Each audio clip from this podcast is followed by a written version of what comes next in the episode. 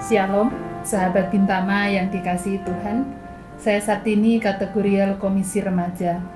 Senang bisa kembali mengajak kita merenungkan firman Tuhan dengan tema Menderita bersama Kristus.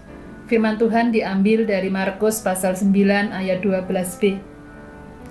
Anak manusia bahwa ia akan banyak menderita dan akan dihinakan. Sahabat Bintama yang dikasihi Tuhan, mengenal dengan baik terhadap seseorang, meskipun sudah lama hidup bersama, bukanlah suatu hal yang mudah. Demikian juga yang dialami murid-murid Yesus, tidak mudah mengenal Yesus dan pewartaannya. Demikian renungan kita hari ini bahwa anak manusia akan banyak menderita dan dihinakan bahkan sampai pada karya salib. Sahabat Bintama yang dikasihi Tuhan, Yesus sebagai Tuhan selayaknya lahir di tempat yang mewah, indah, megah. Melainkan Yesus lahir di kandang domba, tempat yang sederhana, bahkan dipandang hina di kota kecil. Demikian juga dalam tugas pewartaannya.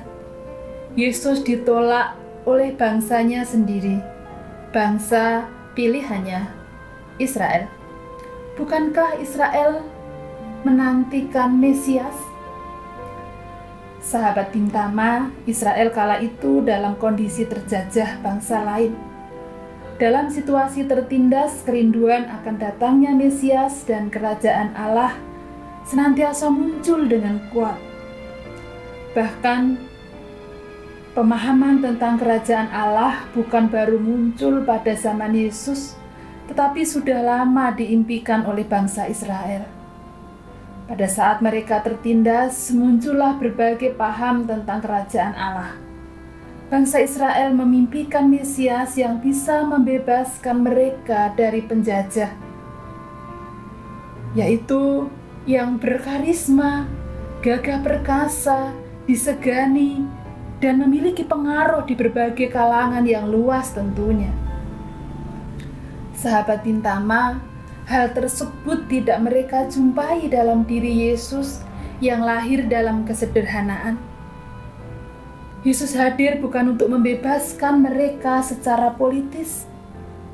Ini yang membedakan uh, pemahaman tentang kerajaan Allah bagi bangsa Israel dan bagi Yesus. Yesus hadir bukan untuk membebaskan mereka secara politis dari penjajah, melainkan membebaskan umat dari dosa. Hal ini menandakan bahwa mereka tidak mengenal Yesus, bahkan murid-muridnya pun tidak mengenal Yesus yang adalah Mesias. Sahabat Bintama yang dikasihi Tuhan, Yesus menerima derita sengsara dan salib. Yesus memandang kematiannya bukan sebagai nasib, melainkan sebagai kurban yang mengukuhkan perjanjian baru antara Allah dan umat manusia.